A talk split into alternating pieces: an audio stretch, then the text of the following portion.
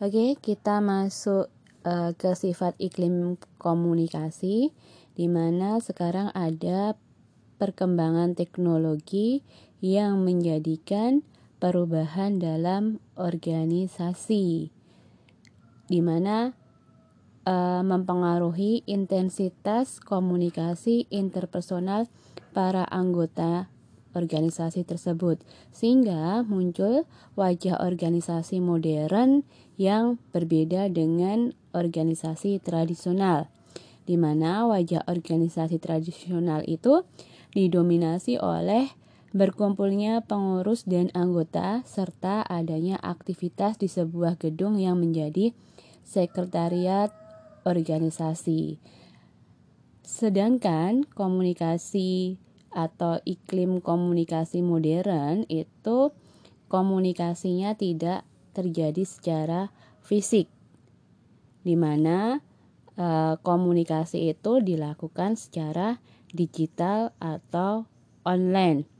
Dengan demikian, karakteristik iklim komunikasi juga mengalami banyak perubahan dari berbagai studi dapat dikemukakan beberapa sifat dari iklim komunikasi.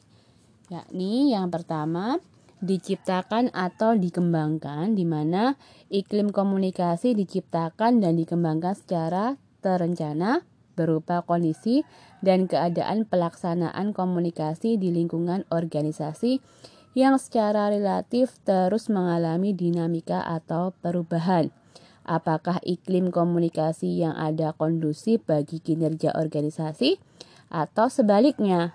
Sebenarnya kondisi ini dapat dibentuk dan diupayakan, dapat diciptakan dan dapat dikembangkan. Yang kedua, ini dipengaruhi oleh struktur organisasi. Setiap organisasi mempunyai struktur tertentu yang menjelaskan hubungan antara berbagai divisi atau jabatan dalam organisasi tersebut.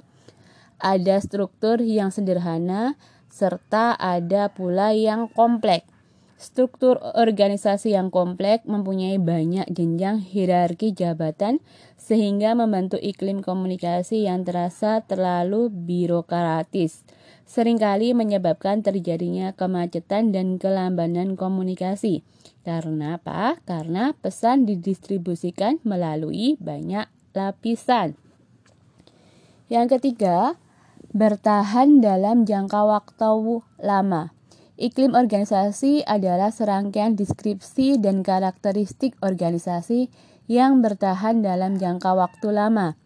Karakter iklim komunikasi relatif tetap selama periode tertentu.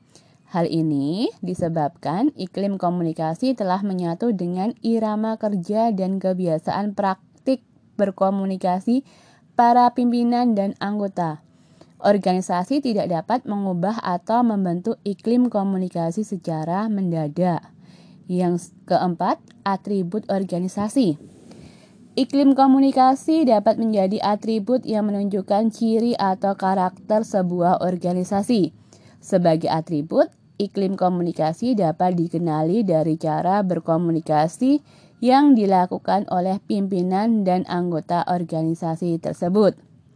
Selanjutnya, dapat diukur kesesuaiannya dengan tujuan organisasi. Iklim organisasi sebagai suatu kondisi atau karakter yang dapat diukur pada lingkungan kerja, baik secara langsung maupun tidak langsung, akan berpengaruh pada karyawan dan pekerjaan karena dengan observasi dapat diukur seberapa tinggi kesesuaian iklim komunikasi dengan perilaku karyawan dalam mendukung pencapaian tujuan organisasi atau perusahaan.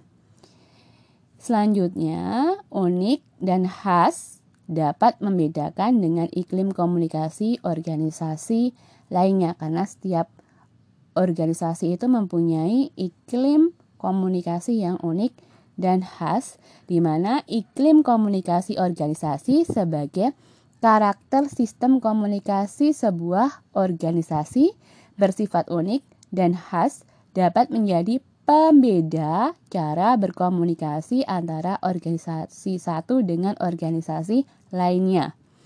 keunikan iklim organisasi mengarah pada persepsi masing-masing anggota dalam memandang kebiasaan berkomunikasi yang sepatutnya dilaksanakan di sebuah organisasi. Jadi, dapat disimpulkan bahwa iklim komunikasi organisasi adalah serangkaian deskripsi dari karakteristik cara berkomunikasi di organisasi yang membedakan karakter komunikasi sebuah organisasi dengan organisasi lainnya yang mengarah pada persepsi masing-masing anggota dalam memandang organisasi. Terakhir, mempengaruhi perilaku anggota organisasi. Ini sifat dari iklim komunikasi yang terakhir.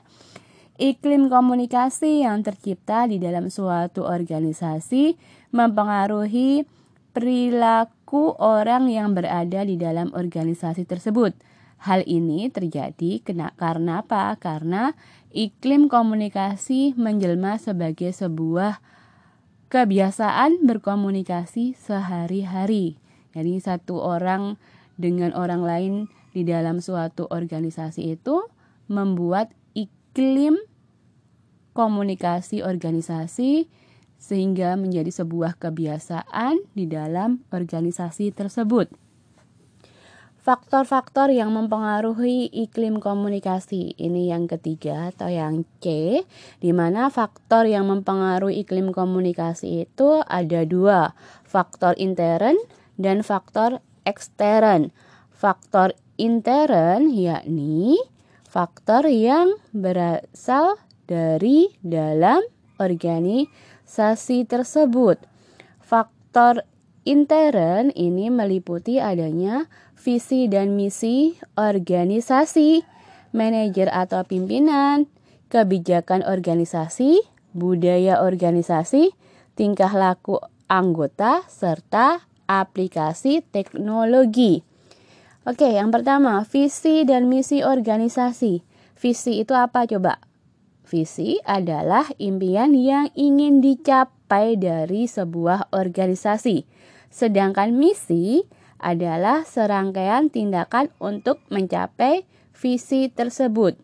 Visi dan misi ini menjadi arah bagi pimpinan serta anggota organisasi dalam bertugas. Koordinasi dan komunikasi antar anggota organisasi senantiasa dimaksudkan untuk mendukung pencapaian dari visi tersebut. Dengan demikian, visi dan misi organisasi akan mempengaruhi iklim komunikasi. Pada proses penyusunan visi dan misi, semua komponen dalam organisasi ini harus dilibatkan. Untuk apa? agar seluruh komponen memberikan dukungan secara optimal dalam rangka pencapaian visi dan realisasi dari misi. Pemahaman terhadap visi dan misi menentukan sejauh mana sebuah semua pimpinan dan anggota organisasi mampu merancang dan melaksanakan komunikasi dalam iklim yang kondusif dan relevan. Itu faktor visi dan misi. Selanjutnya, manajer atau pimpinan pada dasarnya setiap tindakan cara mengelola organisasi itu dilakukan oleh pihak manajer atau pimpinan akan berdampak pada iklim komunikasi di mana seorang pemimpin mempunyai fungsi inisiasi yakni mengambil prakarsa untuk menciptakan ide-ide dan program kerja sesuai dengan tujuan dari organisasi. Namun sebaliknya, tugas pemimpin juga memberi pengarahan, bahkan kalau perlu menolak ide-ide dari anggota yang dinilai tidak sejalan dengan tujuan organisasi. Jadi ada dua ya, pemimpin itu mempunyai prakarsa untuk menciptakan ide-ide yang sesuai dengan tujuan organisasi serta menolak ide dari anggota yang tidak sesuai dengan tujuan dari organisasi. Pemimpin juga perlu mencari strategi yang tepat agar terciptanya iklim komunikasi yang kondusif. Dengan fungsi organisasi, tanggung jawab terhadap hal-hal yang terkait dengan persoalan organisasi, seperti kelancaran roda kegiatan organisasi, serta sejauh mana setiap organisasi berperan sesuai dengan deskripsi kerja masing-masing, sangat ditentukan oleh kecakapan pemimpinnya. Oke, kebijakan organisasi yang ketiga adalah adanya berbagai kebijakan dan aturan-aturan di dalam organisasi. Ini sangat mempengaruhi iklim komunikasi. Kebijakan-kebijakan serta prosedur-prosedur organisasi, terutama masalah-masalah yang berhubungan dengan lingkungan kerja, fasilitas, distribusi imbalan, cara-cara yang digunakan untuk memotivasi, teknik-teknik dan tindakan pendisiplinan interaksi antara manajemen dan anggota semuanya berkontribusi menentukan iklim komunikasi. Kebijakan yang bersifat memberdayakan anggota organisasi akan mendorong tercapainya iklim komunikasi yang hangat dan serasi. Yang keempat, budaya organisasi. Budaya organisasi itu adalah sebuah sistem nilai yang meliputi sistem ide atau gagasan, ada norma, etika, tata tertib yang terdapat dalam organisasi dan menjadi acuan dalam aktivitas sehari-hari. Wujud budaya organisasi adalah perilaku dan benda-benda yang bersifat nyata. Misalkan pola-pola perilaku, bahasa, pakaian, gedung, dan lain-lainnya yang kesemuanya ditunjukkan untuk mewujudkan karakter khas dari sebuah organisasi sehingga dapat membedakan dengan organisasi lainnya.